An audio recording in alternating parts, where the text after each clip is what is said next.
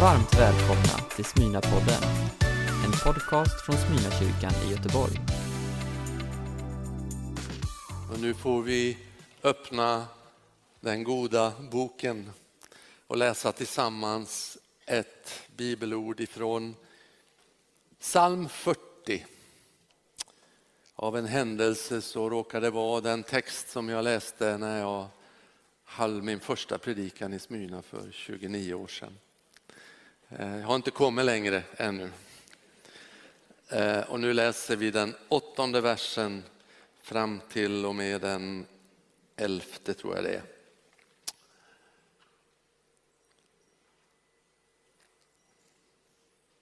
Ja, jag får ju säga att det är fantastiskt roligt att se er här. Och det är väldigt roligt att veta att ni är många som följer oss även idag via webben. Det har ju varit ändå en fantastisk gåva att vi har kunnat mötas med teknikens hjälp. Men nu så öppnar det mer och mer för att mötas så här. Och den här texten handlar ju bland annat om att få mötas till gudstjänst i slutet här. Och nu läser jag. Därför säger jag, se jag kommer, i bokrullen står skrivet om mig. Att göra din vilja min Gud är min glädje och din lag är i mitt hjärta. Jag förkunnar glädjebudet om rättfärdighet i den stora församlingen. Jag sluter inte mina läppar, du Herre vet det. Jag döljer inte din rättfärdighet i mitt hjärta. Jag talar om din trofasthet och din frälsning.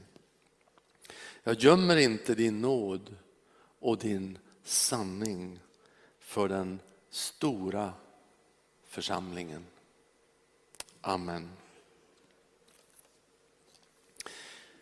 Det tar ju inte särskilt lång tid eh, efter det att våra barn har fötts, efter att vi föds som människor och lär oss prata förrän vi ropar Jag vill! Eller ännu vanligare, Jag vill inte! Några nickade igenkännande. Som förälder eller vuxen i ett barns liv eller far och morförälder. Karina och jag har fått tagit emot i sommar det sjunde barnbarnet. Fantastiskt. Och jag hoppas att det inte är fullkomlighetens tal just det. får gärna komma några till. Men vi är så glada för det. Men det är ju omedelbart upptäcker man den här utmaningen kring viljelivet. Jag vill, jag vill inte. Och så mycket av uppfostran kan bli en viljornas kamp mellan vårdnadshavaren och barnet. Jag vill, jag vill inte. Eh, efter en sån där dag när du kanske har ansvar för ett litet barn och så, eller några stycken och så lägger du dig ner och känner dig kanske misslyckad. Undrar varför just det barnet du ansvarar för, ditt barn, är så envist. Och varför kanske du inte har lyckats att möta den, antingen själv varit för envis eller för mjuk, så skulle jag vilja ge dig ett råd det är att blanda in lite tacksamhet i din klagovisa. Tacka Gud att för ditt viljestarka barn, att det har fått en underbar gåva av Gud som är just viljan. Den som vi också kallar för den fria viljan. En gåva som dessutom gör det skrikande barnet faktiskt lite mer lik Gud. För viljan, den fria, tillhör ju Guds avbild i oss människor ehm, och skiljer oss ifrån resten av skapelsen. Eh, och nu har barnet börjat den livslånga träningen att hantera den gåvan. En viljestark unge kan gå långt. Jag var, oj då, nu lät det som det var jag vi talar om. Här. Nästa mening så står det här, ja, jag var 20 år. När jag skrev den här, de här raderna som också blev en sång, de inleds på det här sättet. Att tjäna dig är min vilja. Att få höra din röst är min bön. Att vittna om dig är mitt uppdrag. Att få möta dig blir min lön. Versen till de här kom lite senare. Jag hade just gjort min stora kallelseupplevelse i livet. Jag upplevde den också som en vilja, viljornas kamp mellan mig och min himmelske förälder. Eh, under en dag i bön så frågar jag gång på gång Gud, vad vill du egentligen med mitt liv? Och jag upplevde det så tydligt att Gud svarade med en motfråga. Han gör ofta det, Gud, faktiskt. Vad vill du själv då? Och så gick det fram och tillbaka faktiskt som i flera timmar, som ett slags pingpong. Vad vill du Gud? Ja, vad vill du själv då? Vad vill du Gud? Ja, vad vill du själv då? Och sakta så växte det den dagen fram en syntes som man brukar säga. En fantastisk tanke ur de här mot eh, frågan och motfrågan som jag nog hade hört i teorin men som blev plötsligt oerhört tydlig.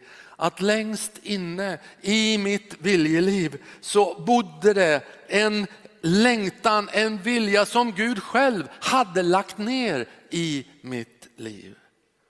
Och jag hittade svaret, inte på ytan, för där fanns det många svar av vad jag ville med mitt liv. Men i den djupaste fåran utav mitt viljeliv. Och jag vågar knappt säga detta nu, för det kan missbrukas och det kan misstolkas. Men jag säger det. Jag tror att vår djupaste vilja och Guds vilja stämmer överens. När jag ändå är inne på avdelningen risk för missförstånd så ska jag citera kyrkofadern Augustinus berömda ord. Älska Gud och gör vad du vill. Vad är det som gör detta så riskfyllt? Jo, det är ju uppenbart att det här skulle kunna vara ett fribrev till allt jag känner för är okej, okay, alltså på ytan i mitt liv. Vi har ett antal uttryck som är väldigt populära, som liknar det och som verkligen behöver lite motstånd och behandlas varsamt. Följ ditt hjärta. Då kommer Jesus upp på arenan och säger, vänta lite, från hjärtat kan det komma de onda tankarna. De onda begären kan ha tagit sig ner i ditt hjärta. Det är sannerligen inte Guds vilja. Följ din dröm. En dröm kan vara rosa skimrande hägring. En dröm efter Guds vilja, för det finns sådana, den är inte rosenröd, den är mer blodröd. Den är präglad av den utgivande kärleken och den präglar inte alla våra drömmar som ofta handlar om mig och jag och min eh, eventuella succé här på jorden. Följ din passion. Det man ofta inte tänker på det är att ordet passion, ett mycket vackert ord för övrigt, det handlar om en kärlek som är beredd att lida. Jesus sista vecka kallas inte för inte för passionsveckan veckan av passion. Allt detta sammantaget säger att vi måste få tid att få kontakt med det allra innersta rummet i vårt väsen. Ledsagad av Guds ande och Guds röst. Och det var det jag tror jag av jag nåd fick vara med om den där dagen. Sakta växte övertygelsen att jag ju visste tillräckligt mycket om vad jag innerst inne visste. Det gjorde jag från tidiga år i mitt liv. Sen hade tonåren gett ett antal år av splittrade motiv och så vidare som det är för många utav oss. Och nu så förändrades frågan i pingpongmatchen mellan mig och Gud. så hör jag Gud istället säga, är du beredd att svara ja till din och min vilja? Och jag gav mitt ja den där dagen. Trots att jag ännu inte visste vad det innebar. Men Gud sa genom en profetisk hälsning som bekräft, som avslutade min dag, min bönedag, att det kommer att klarna. Och det klarnade på ett mycket dråpligt sätt. Jag mötte någon vecka senare en av pastorerna i kyrkan som eh, jag tillhörde på den tiden och han sa, ja Gud välsigne dig nu i arbetet ute i Bromma Vällingby.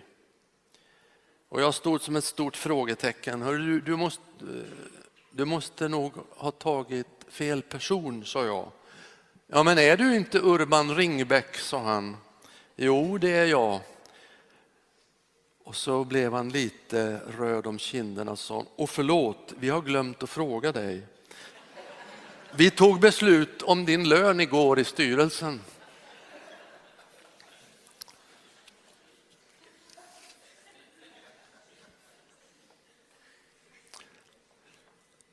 Jag hade ju sagt ja. Den stora frågan, hörni vänner, det är inte att få detaljsvar på exakt hur det ska se ut.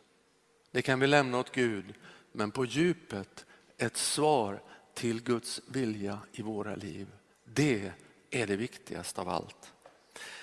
Och nu kom ju den stora överraskningen att mitt ja förlöste en ny glädje i mitt liv.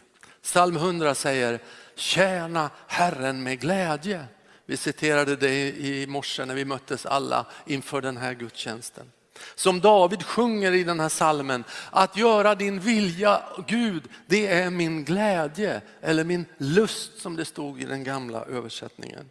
Guds vilja blev inte den tunga börda som jag hade skapat framför mig när jag hade den här dialogen med Gud. Utan det blev min stora glädje.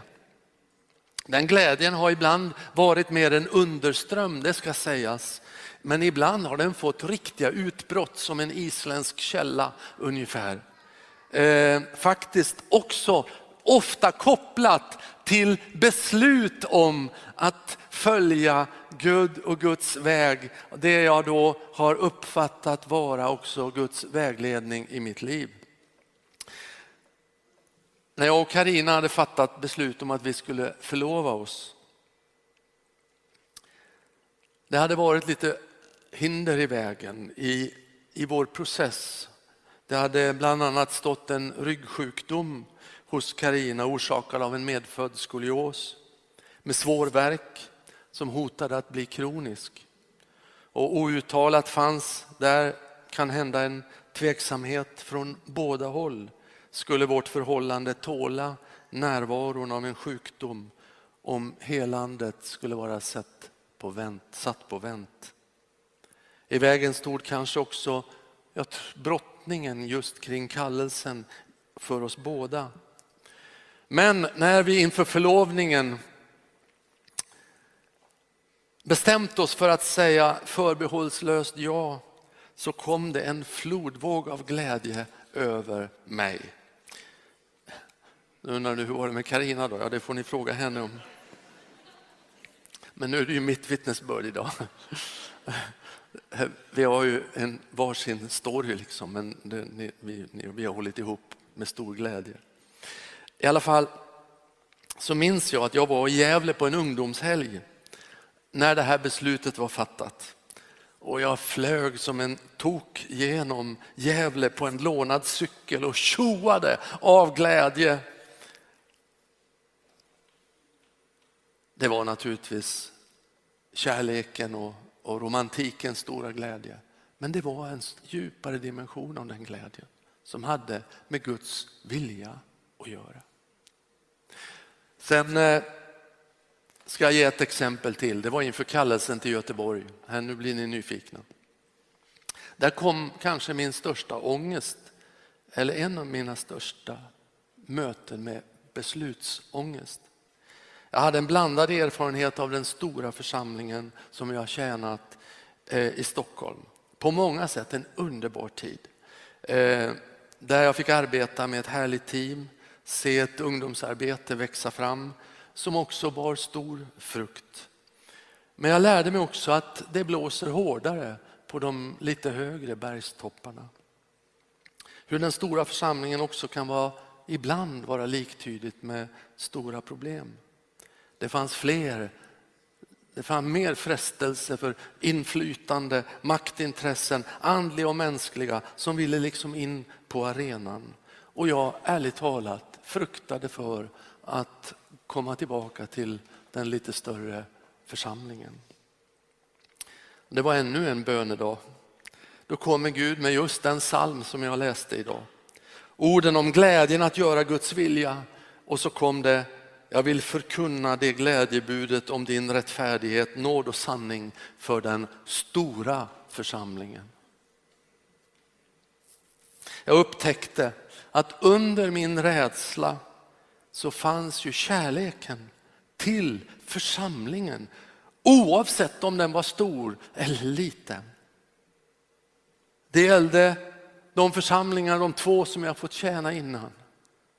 Och det började också växa till Smyrna i Göteborg. Jag sa ja och då kom den där glädjen igen. Kanske inte så stormande som när Karina och jag sagt ja till varandra, men ändå, det var samma kvalisort, samma kvalitet på glädjen. Jag fick inget löfte om en enklare resa, men en trygghet om att vara i Guds vilja. Och jag har tvivlat ibland på alla tre ställen jag har varit, tyckt ibland att priset kanske har varit för högt både för mig och familjen. Och det går för oss båda. Men tvivlen har inte kunnat grumla glädjen under de här 29 åren. Och den har ofta gett sig till känna faktiskt, som allra mest när det har blåst lite hårda vindar. Sån är Gud. Men hur ska jag undvika ändå att det blir fel? Vi måste borra lite i det där. Att jag inte hittar, eh, att jag inte hittar den där som är Guds viljas väg, utan tolkar egna impulser och begär som får namn av Guds vilja. Det är ju den svåra, kanske de svåraste utmaningarna för oss som är Jesu eh, efterföljare. Eh, jag ska hämta några råd ur kyrkans 2000 år långa historia. För det här har troende brottats med i alla dessa år. För det första då, Guds vilja står inte i konflikt med Guds ord.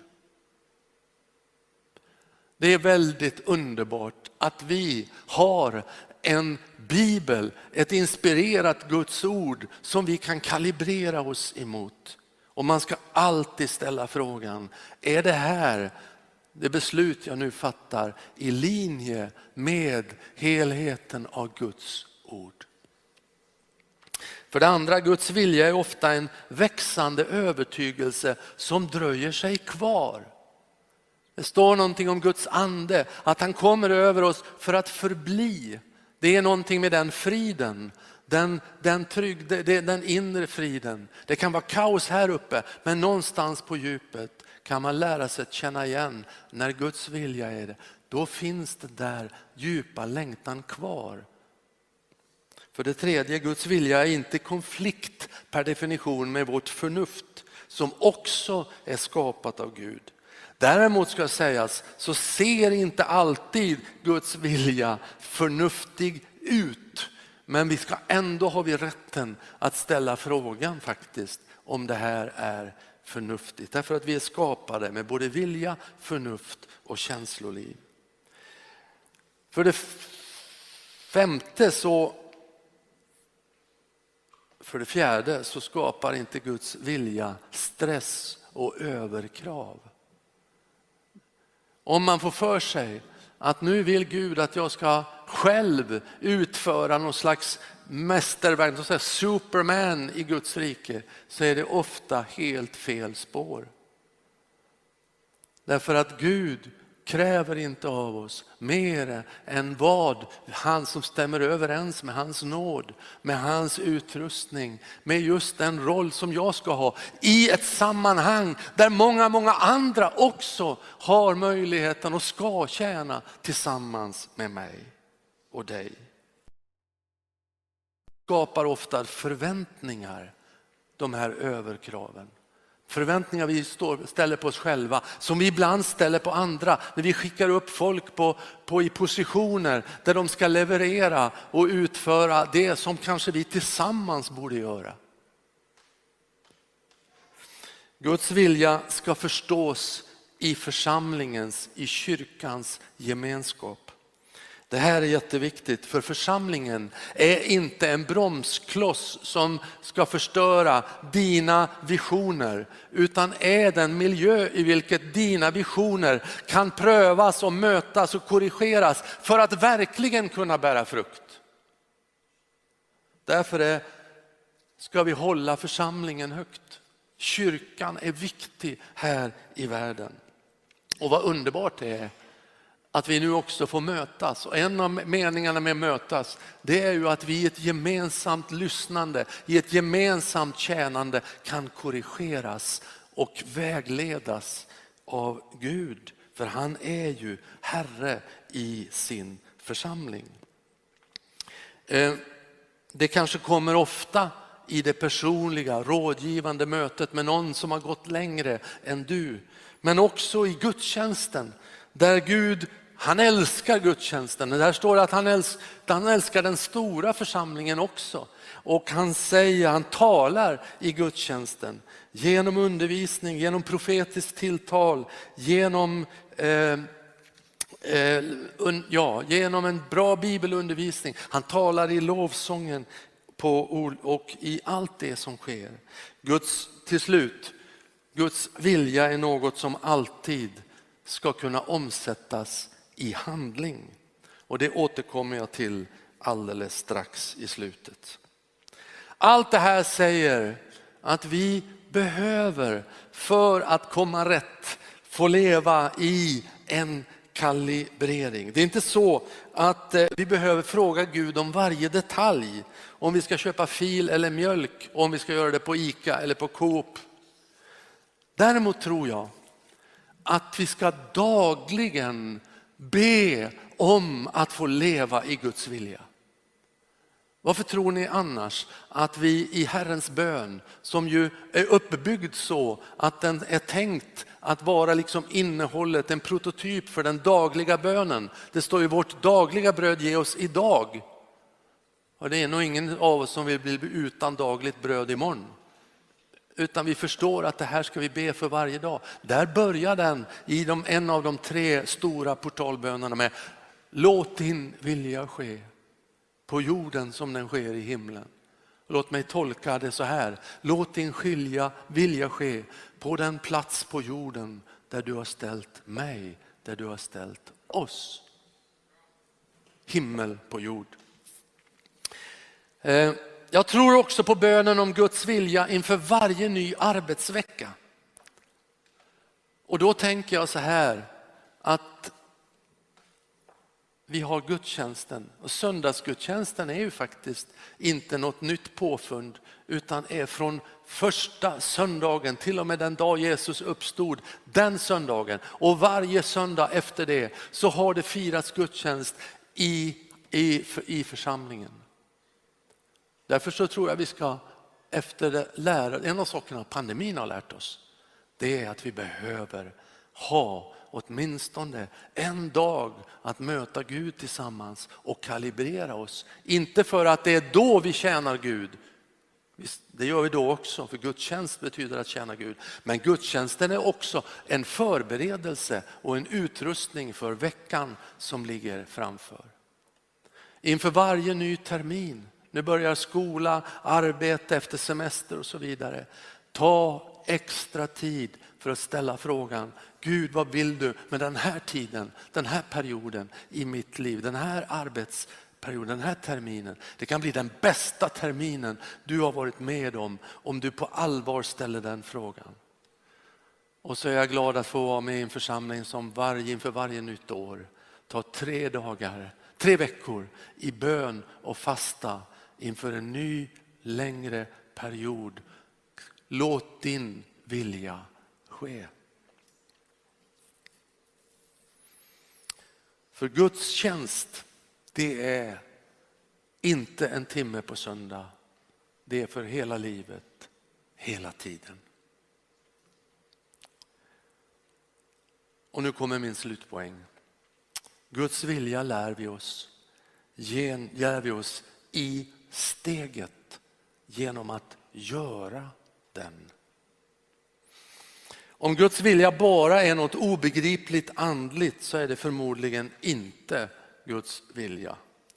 Eh, om, även om jag inte förstod det då när jag kämpade den där första den där bönedagen jag talade om så tog det ju inte många dagar förrän det handlade om något väldigt begripligt att ta ställning till att det fanns en massa barn och ungdomar i storstadens förorter och för stadsdelar som väntade på att någon skulle ta ett initiativ för att vägleda dem till Kristus. Att en massa tonåringar behövde en miljö där tron skulle kunna få uttryck och växa. Det blev för mig en gitarrgrupp och en ungdomskör i ett område där det inte hade funnits några ungdomar förut. Eh, och det var ju, hade ju med just mina gåvor att göra. Eh, där formades i den gruppen unga människor till tro och kallelse. Det fanns, visade sig, behov att förkunna evangeliet på nya sätt.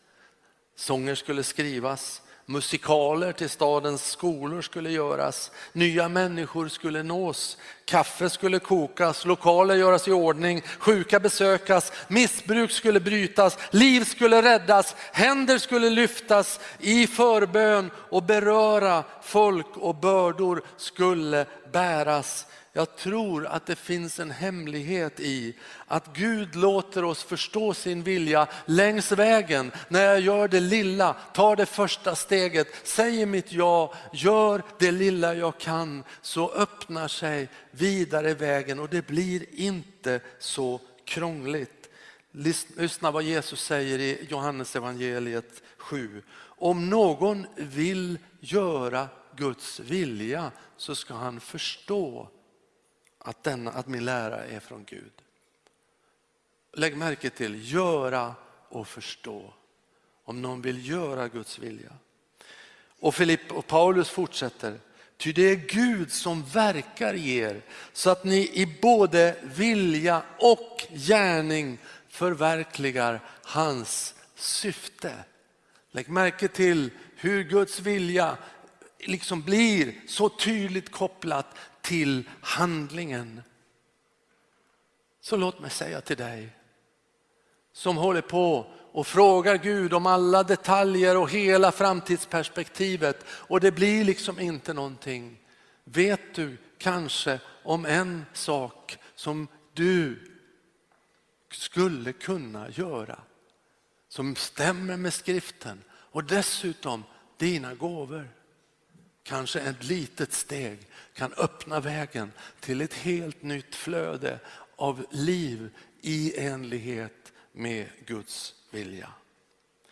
Nyckeln i min pingpong, pingpongmatch med Gud, det var ju när, när jag insåg att jag egentligen redan från tidiga år visste att Gud ville att jag skulle tjäna honom med mina gåvor. Det var inte krångligare än så. För mig har det bland annat då tagit sig uttryck i att jag har fått tjäna i den här församlingen nu i nästan 30 år. Och nu säger du som är här inom dig, men det där var det jag visste, det är inte för mig. För jag har ingen anställning i någon församling och kommer förmodligen inte att få det heller. Men lyssna nu vad jag säger. Det här handlar lika mycket om vad du gör med din utbildning, om en ny syn på ditt yrkesliv. Det kan handla om att bygga ett öppet hem Det kan handla om ett liv i bön och konkret bön och förbön för andra som är med och tjänar.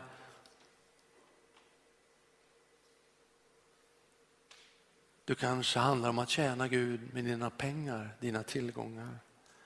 Det kanske handlar om att bygga ett företag med ett högre syfte. Att engagera dig för samhället, att skapa arbetstillfällen, att bry dig om dina grannar, att plantera en församling eller en hemgrupp där inget sådant finns. Eller kanske är det att göra precis det du gör men med ett djupare syfte och ett större medvetande om Guds löfte in i ditt liv. För det finns ett högre syfte för alla människor vars djupaste kännetecken är att vi inte vill leva bara för oss själva utan leva drivna av Guds kärlek och tjäna honom med glädje. När jag nu om några veckor överlämnar hederstaven för Smyna till min efterträdare Mats och hela det team som kommer att finnas runt honom så kommer jag ändå fortsätta sjunga i mitt hjärta. Och nu och då hoppas jag också tillsammans med er alla. Ska vi stå upp? Jag ber Anne Jorid komma upp här. Och innan vi går in i bön och förbön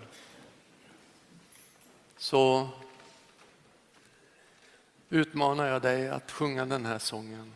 Att tjäna dig är min vilja. Den kanske allt väsentligt samlar ihop det jag har försökt att säga idag. Att höra din röst är min bön. Att vittna om dig är mitt uppdrag. Att få möta dig blir min lön.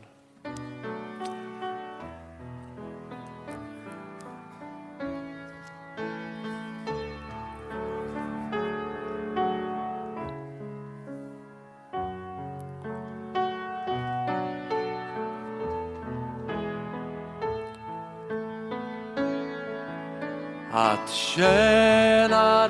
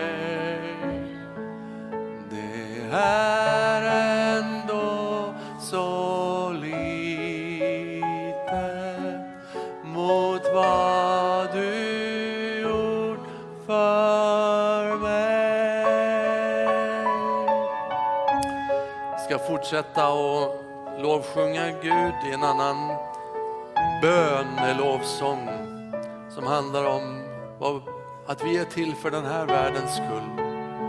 Och så ska vi också ta tid och be för våra liv. Be inför den tid som ligger framför, för oss var och en. Be för den här församlingen som står inför en så både spännande men utmanande tid i år som ligger framför. För vår värld som är så sårad, som är, har fått gått igenom en sån, sån period. Låt oss fortsätta och vara inför Guds ansikte för den här världens skull. För den här världens skull ska Guds vilja ske genom ditt och mitt liv. Du har lyssnat på en predikan från Smyrnakyrkan i Göteborg. Hjärtligt välkommen att lyssna igen eller besöka Smyrnakyrkan. Gud välsigne dig och din vecka.